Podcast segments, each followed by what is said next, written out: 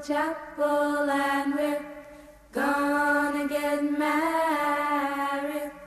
Going to the chapel and we're gonna get married.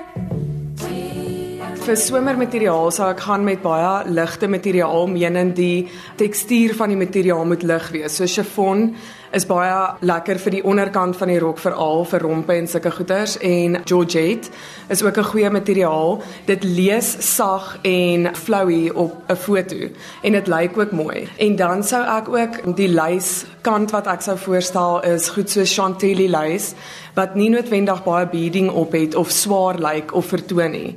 Veiling is ook 'n baie goeie materiaal vir die somer want dit is ook lig en dit lyk vrolik.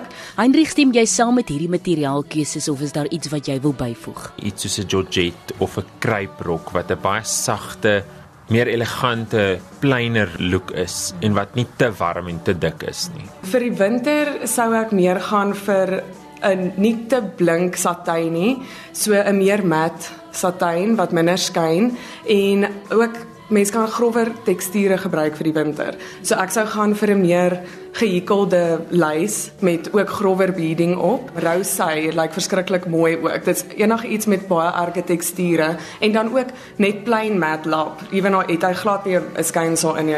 Vertoon ook baie mooi in die winter. Okay, vir my vir winterseisoen sou ek meer sê soos 'n satijn, soos 'n Duchess satin wat 'n mooi swaar, dik materiaal is wat lekker warm is. Meeste venues is gekeer om jou warm te hou binne in die venue, maar as jy buite is, het jy nog iets nodig soos 'n satijn wat lekker dik is en wat jou kan warm hou en wat jy iets soos 'n 'n shawl of 'n bolerootjie het wat jy behoor kan dra. Ek sien baie foto's van bruide en ook dames wat matriekafskeid toe gaan waar dis winter of dis 'n koue maand en hulle die minste klere aan en dan kry ek hulle so jammer want hulle kry so koud. So wat is die foute wat hulle daar maak? Mens moet altyd jou seisoen in gedagte hou as jy 'n rok maak, maar partykeer het 'n kliënt 'n idee van 'n rok en dan is die venue geboek en dit is in die winter. So ek sê altyd probeer nie te veel compromise as dit kom by die design nie. Kom ons bly by jou design, maar kom ons kyk wat kan ons doen as jy by die aisle afloop en jy weet dit gaan koud wees of later in die aand jy jy weet dit raak koud, maar vir fotos en sulke dinge kan mens die baadjie afhaal vir daai 10 minute of waar ek weet jy staar dit ure wat hulle fotos neem. Maar ek stel altyd voor 'n lang jas, soos 'n witterige jas, lyk like baie mooi, dit lyk like baie stylvol ook vir 'n formele event en dan vir 'n troue hou ek baie van 'n wit fur, fou fur, nie regte fur nie. Poncho jassie wat hulle oor die skouers kan gooi. Dan meeste rokke is lank, so dit is baie warm die rok self van die waist af onder toe. So ek dink ek sou nie die design compromise om vir die koue nie. Ek sou eerder iets bysit om dit warm te maak wat mens kan afhaal. Mens sien ook baie keer en ek wil nou nie sê hier ons gaan nou voorskryf vir dames wat hulle moet en nie moet aantrek nie. Hierdie is slegs voorstelle. Dames wat bietjie groter gebou is en wat moulose rokke dra.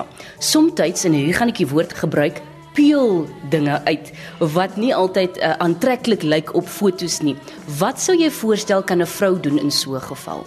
Dra waarin jy gemaklik voel. Deur die maakproses sal ek dit uitwys en sê sien jy dit is dit vir jou 'n probleem, maar ek sou eerder iets voorstel soos moet dan nie 'n moulose rok vat nie. Ek sê die maklikste vir iemand wat bietjie groter is, veral iemand wat 'n groter borsmaat het en wat sukkel wat nie noodwendige boob tube of wat nie bandjies visible bandjies wil hê nie, is om soos 'n illusion neckline te hê waar jy 'n vleeskleur net bo die boob tube basies het. Wat dan nie wys op jou lyf nie, maar dit maak dit net makliker vir jou dat jy nie die hele tyd voel jy moet jou rok optrek of dat iets voel as wat gaan uitval of lyk asof dit gaan uitval nie.